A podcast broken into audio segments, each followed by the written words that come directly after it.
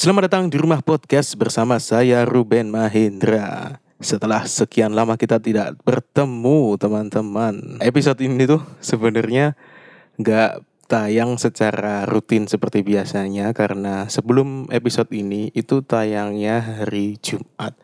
Yang harusnya kan mulai season 4 ini kan kita mulai tayangnya itu tiap Senin. Tapi ada satu hal yang pengen aku sampaikan karena saya sangat sibuk sekali selama satu minggu ini.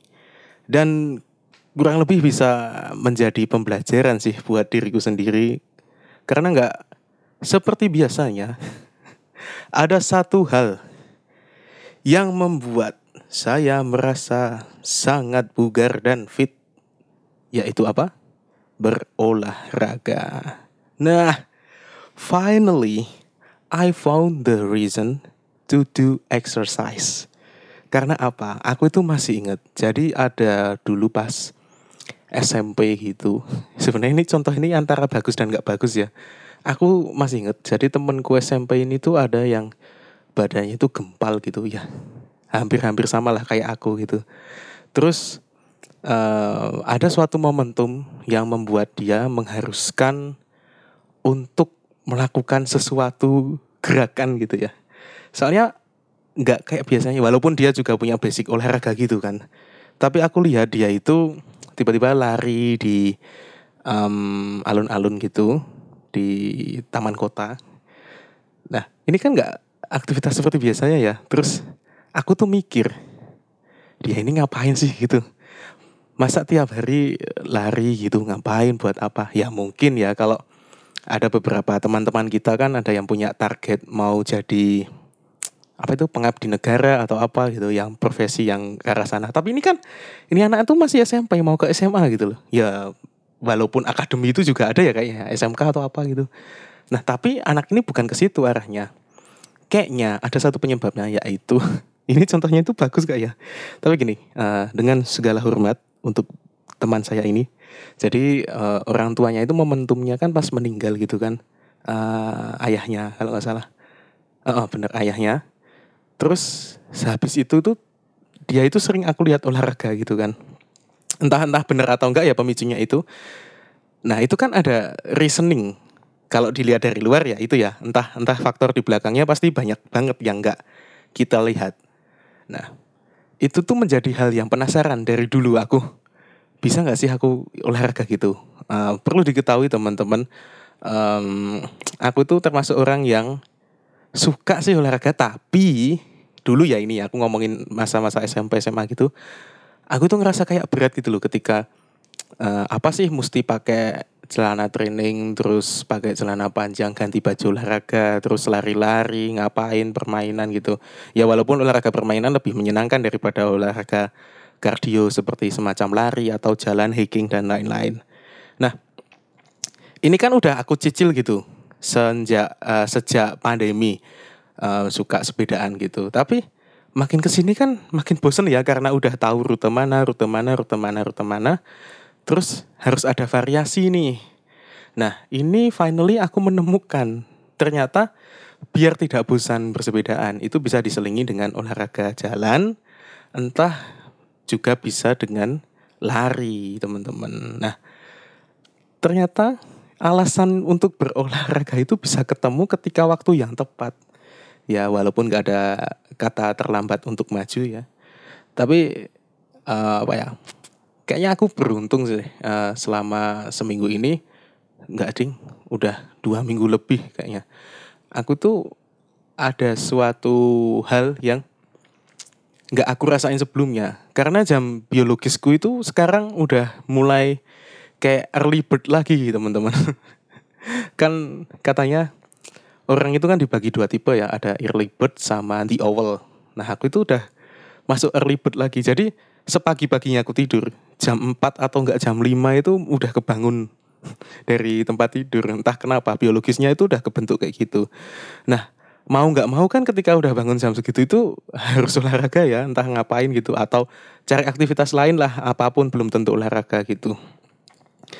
Nah, itu adalah alasan kenapa aku sekarang ini kan sering bikin apa itu Instagram stories itu terus banyak banget yang DM tuh.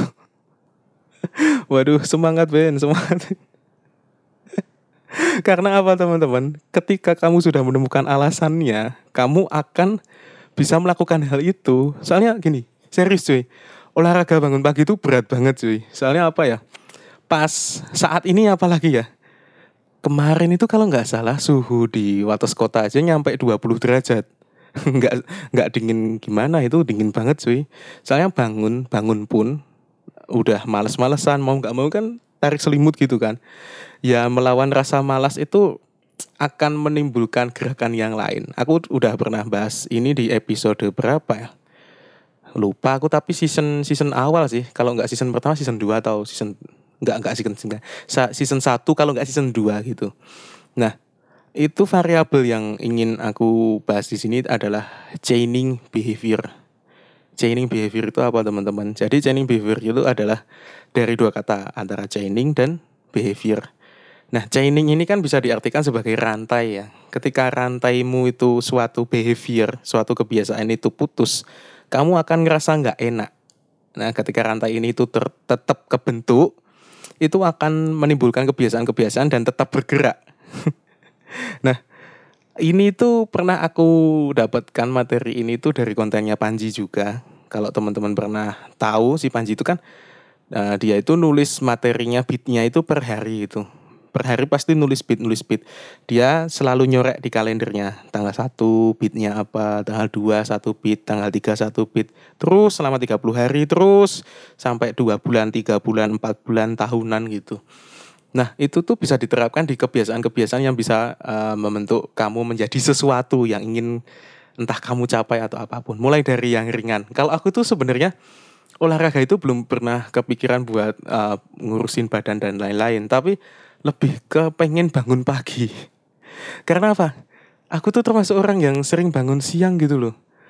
Uh, dan itu merepotkan karena pas bangun siang itu badan itu pegel-pegel jelas itu kan. Apalagi uh, kamu punya kerjaan apa gitu, pasti terbengkalai kalau siang itu. Beda moodnya dengan kamu bisa bangun pagi. Bangun pagi itu bisa lebih fresh, lebih enak, enjoy lah gitu, lebih apa itu? Enteng gitu badannya daripada bangun siang. Nah ini tuh ternyata ngaruh juga ke hal-hal uh, seperti pemikiran uh, psikologis gitu ya.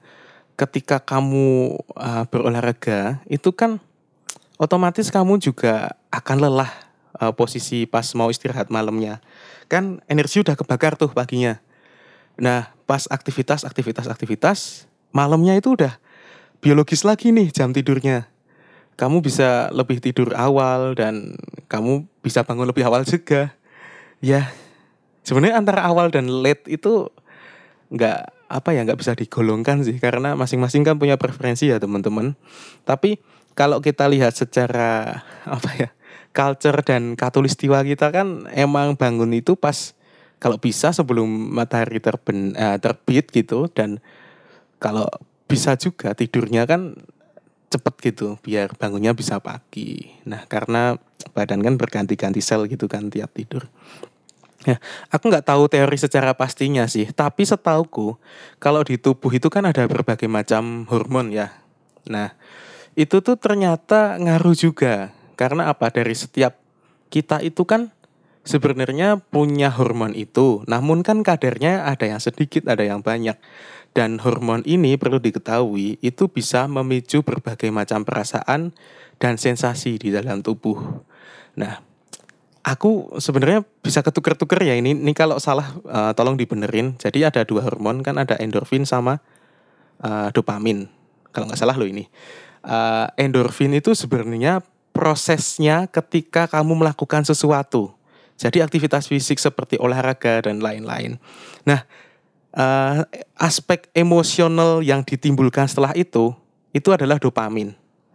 Nah ini itu juga variabel ini itu ada hubungannya sama um, apa itu kalau KPK kena apa tuh?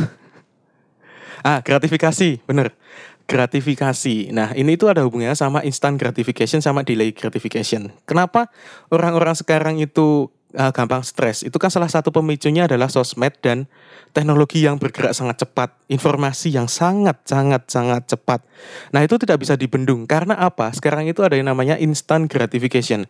Apa pun itu kan dilakukan secara cepat. Walaupun sebenarnya kalau dipikir lagi itu hal yang cepat itu nggak enak juga.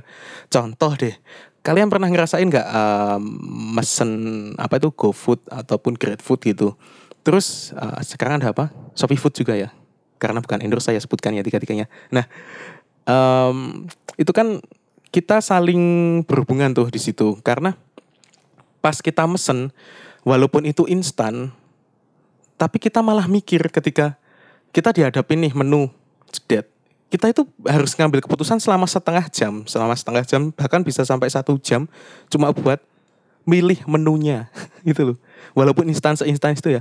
Uh, kalau dipikir lagi orang dulu lebih apa ya ada berproses. Nah ini tuh ngaruhnya balik lagi ke hormon itu. Ada prosesnya.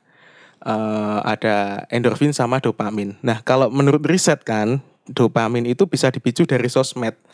Dan bahkan ada beberapa saintis itu kan mengemukakan detox dopamin. Karena terlalu banyak dopamin itu juga nggak bagus. Uh, contoh simpelnya gimana ya? Ketika kamu main Instagram contohnya, kamu bikin foto bagus itu udah diedit angle-nya bagus, captionnya bagus gitu. Likes-nya banyak. Sem uh, likes likes itu itu tuh karena akan menimbulkan suatu reaksi dari tubuh kamu.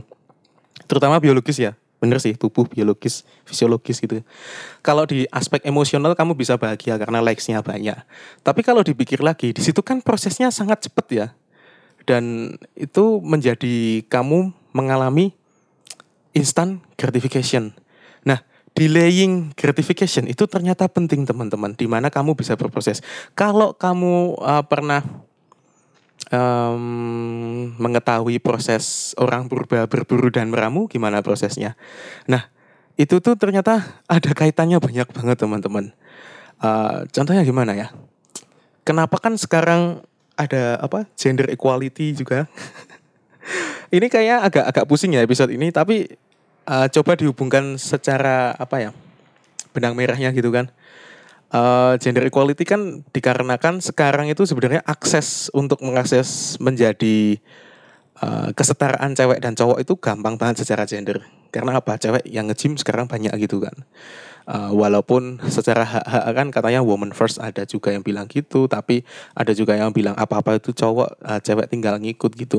tapi bukan di situ ya. Ini titik poinnya teman-teman. Balik lagi ke endorfin dan hmm, morfin. Eh kok morfin?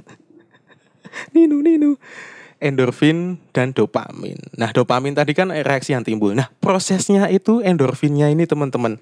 Ketika kamu merasakan sensasi di tubuhnya itu, pas prosesnya tuh. Nah, ini bisa kamu dapatkan pas olahraga. Dan ini kalau dihubung-hubungkan mungkin ya eh, jam biologisku itu terbentuk gara-gara itu ada chaining behaviornya itu terus hormon itu kan terpompa gitu kan.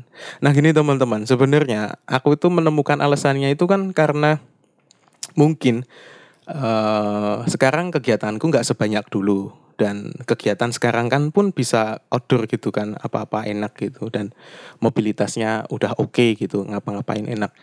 Nah salah satu hal yang pengen aku lakukan kan sebenarnya dari dulu itu pengen hidup secara sehat tuh gimana sih? Kan penasaran gitu ya. Rasa penasaran itu ada tapi males banget karena entah malamnya nonton film ataupun malamnya main ke mana terus pulang pagi terus bangunnya siang. Nah itu kan nggak enak kan polanya terus gitu.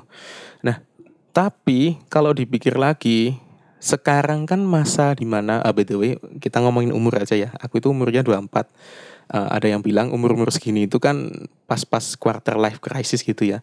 Soalnya uh, pada masa ini, uh, masa itu gitu ya, kalau teman-teman yang di luar umur ini, uh, individu itu ngerasa bingung mau arah ke mana gitu.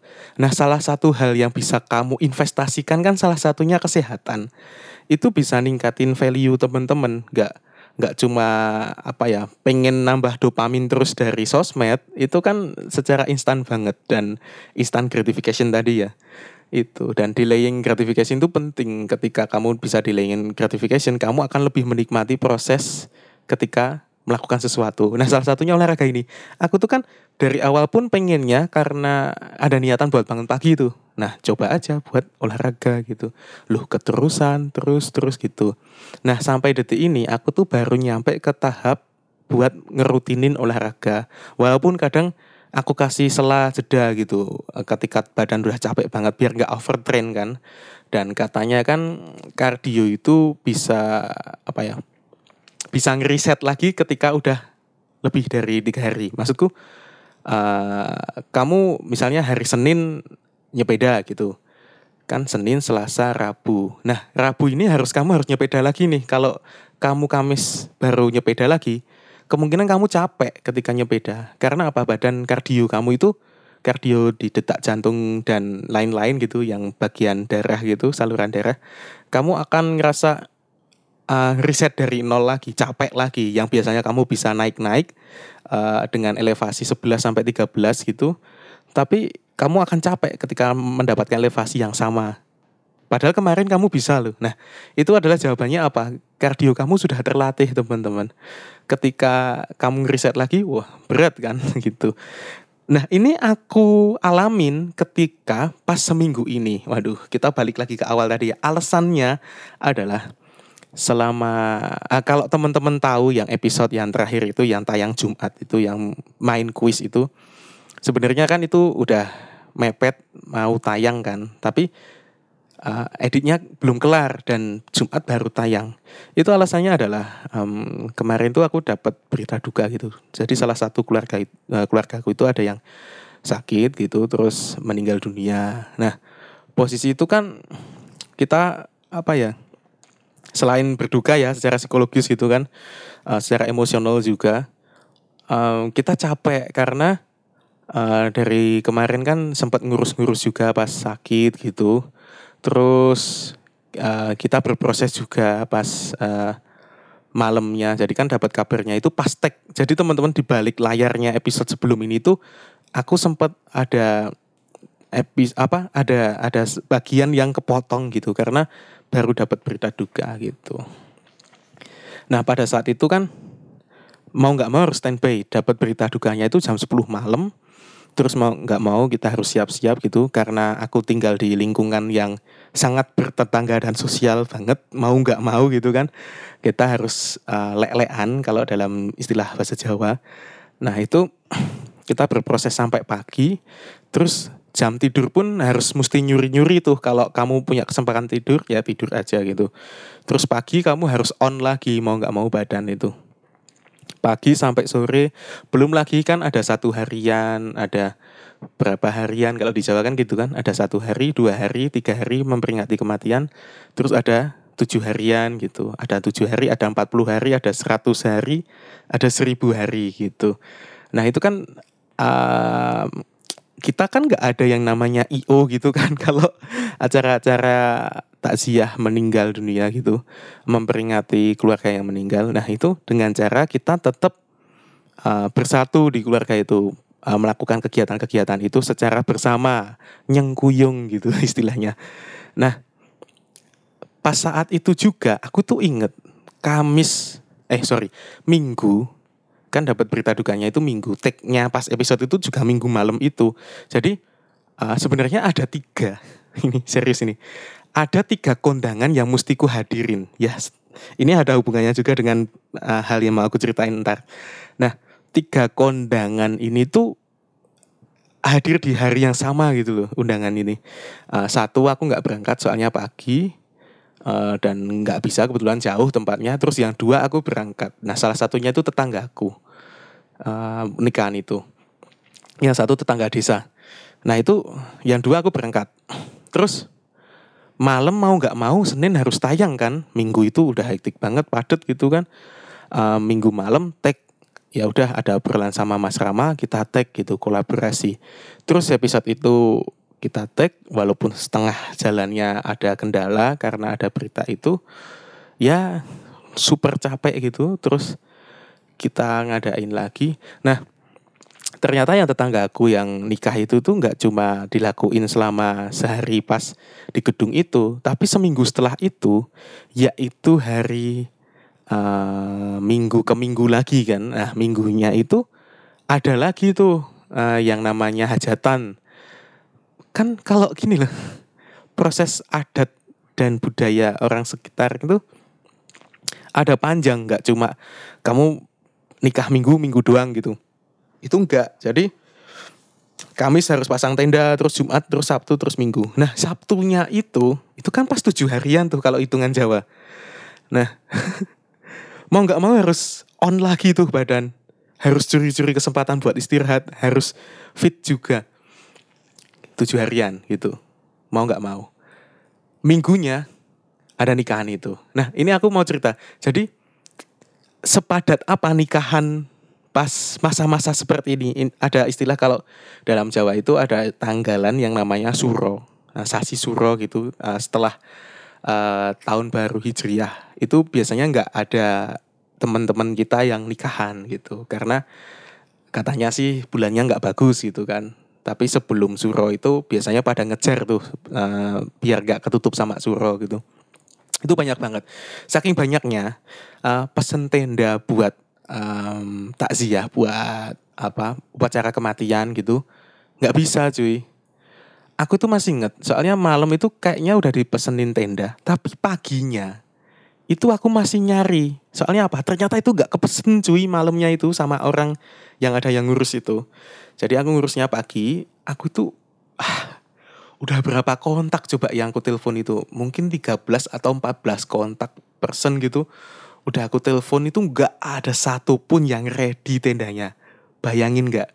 Seramai itu bahkan tenda buat uh, cuma buat layatan gitu ya. Sorry bukan cuma tapi apa ya? Yang biasanya kan layatan itu kan tendanya beda gitu kan. Yang yang masih bahannya bukan bukan seng tinggi gitu tapi yang pendek gitu, yang tenda lama gitu. Itu juga laris di pasar gitu posisi itu.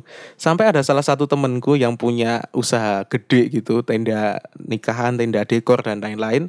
Itu bilang wah ini hari pusing sedunia. Eh bukan sih. Uh, hari pusing se Indonesia gitu bilangnya. Jadi sampai tukang tenda itu uh, juragan-juragan bos-bos tenda itu sampai telepon yang punya tenda lain juga karena saking padatnya jadwal nah itu cari-cari solusi tapi nggak dapet juga.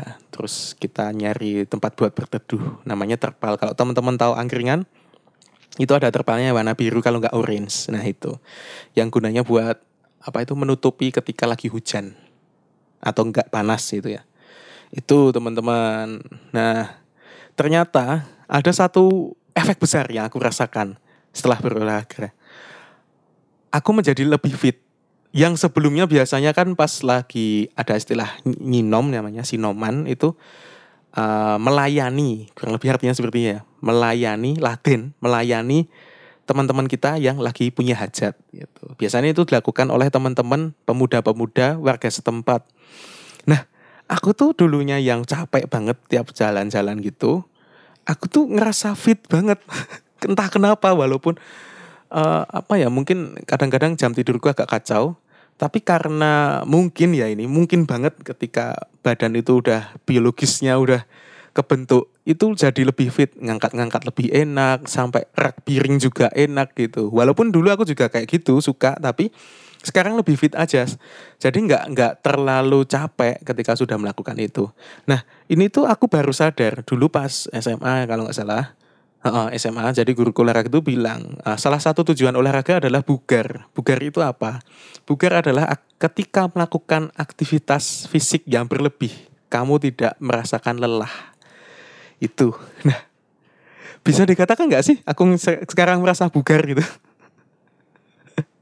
gitu. Dan itu ngaruh banget ke produktivitas yang lain teman-teman bisa ngerjain apa ngerjain apa. Begitu. Ternyata efeknya seperti itu. Seluar biasa itu olahraga teman-teman. Sorry kalau episode ini agak terdengar kacau gitu ya teman-teman karena kurangnya riset atau apa pun. Karena aku aku aku cuma pengen sharing aja. Jadi penting banget teman-teman buat teman-teman olahraga. Nggak usah mandang umur nggak usah kamu mandang uh, uh, mohon maaf misalnya teman-teman ada yang punya kekurangan badannya ada yang cacat atau gimana. Bahkan teman-teman aku tuh pernah lihat di alun-alun Wates itu ada eh, bapak-bapak yang uh, mohon maaf yang kakinya itu nggak ada tapi pakai kursi roda. Dia itu jalan gitu. Pantas banget ya bicep sama tricepnya gede gitu. Terus gitu jalan terus gitu. Aduh aku tuh jadi ngerasa malu gitu loh. Aku aja yang ngerasa apa punya semua gini maksudku yang masih utuh gitu ya kenapa nggak ngelakuin kayak gitu gitu loh padahal aduh olahraga itu penting banget gitu karena apa? Efeknya tadi balik lagi. Ketika melakukan sesuatu, itu kita menjadi bugar. Tidak um, merasa capek ketika sudah melakukan aktivitas yang berat. Begitu teman-teman. Kurang lebih episode ini seperti ini dulu aja ya. Terima kasih teman-teman yang udah dengerin. Sampai jumpa di itu ya. Episode-episode lain yang berhubungan sama kesehatan sok-sokan banget. Aku tuh tenang-tenang teman-teman. Aku tuh masih amatir banget dan masih belajar jauh dari kata diet, dari kata apa. Soalnya cuma pengen uh, apa ya? membuat badan fit doang sih itu udah cukup banget menurutku. Walaupun kayaknya step selanjutnya itu akan ber, uh, apa? akan mengarah ke uh, pola makan juga kan. Makan tidur. Soalnya ada istilah apa itu? Segitiga kehidupan manusia kan ada uh, asupan makan, tidur, sama aduh satunya apa? Ah, olahraga itu. Kalau tiga itu udah seimbang kayaknya badan enak banget ya. Udah kayak Cristiano Ronaldo ya. Walaupun sekarang lagi nggak ada klub yang meminang karena pengen maksain ke UCL. Oke, terima kasih teman-teman. Kurang lebih episode ini seperti ini aja. Cukup. Terima kasih teman-teman. Bisa follow di @rumahpodcast ataupun di Twitter aku ataupun di Instagram aku @rubenmaindra. Segitu aja teman-teman. See you on the next episode. Dadah.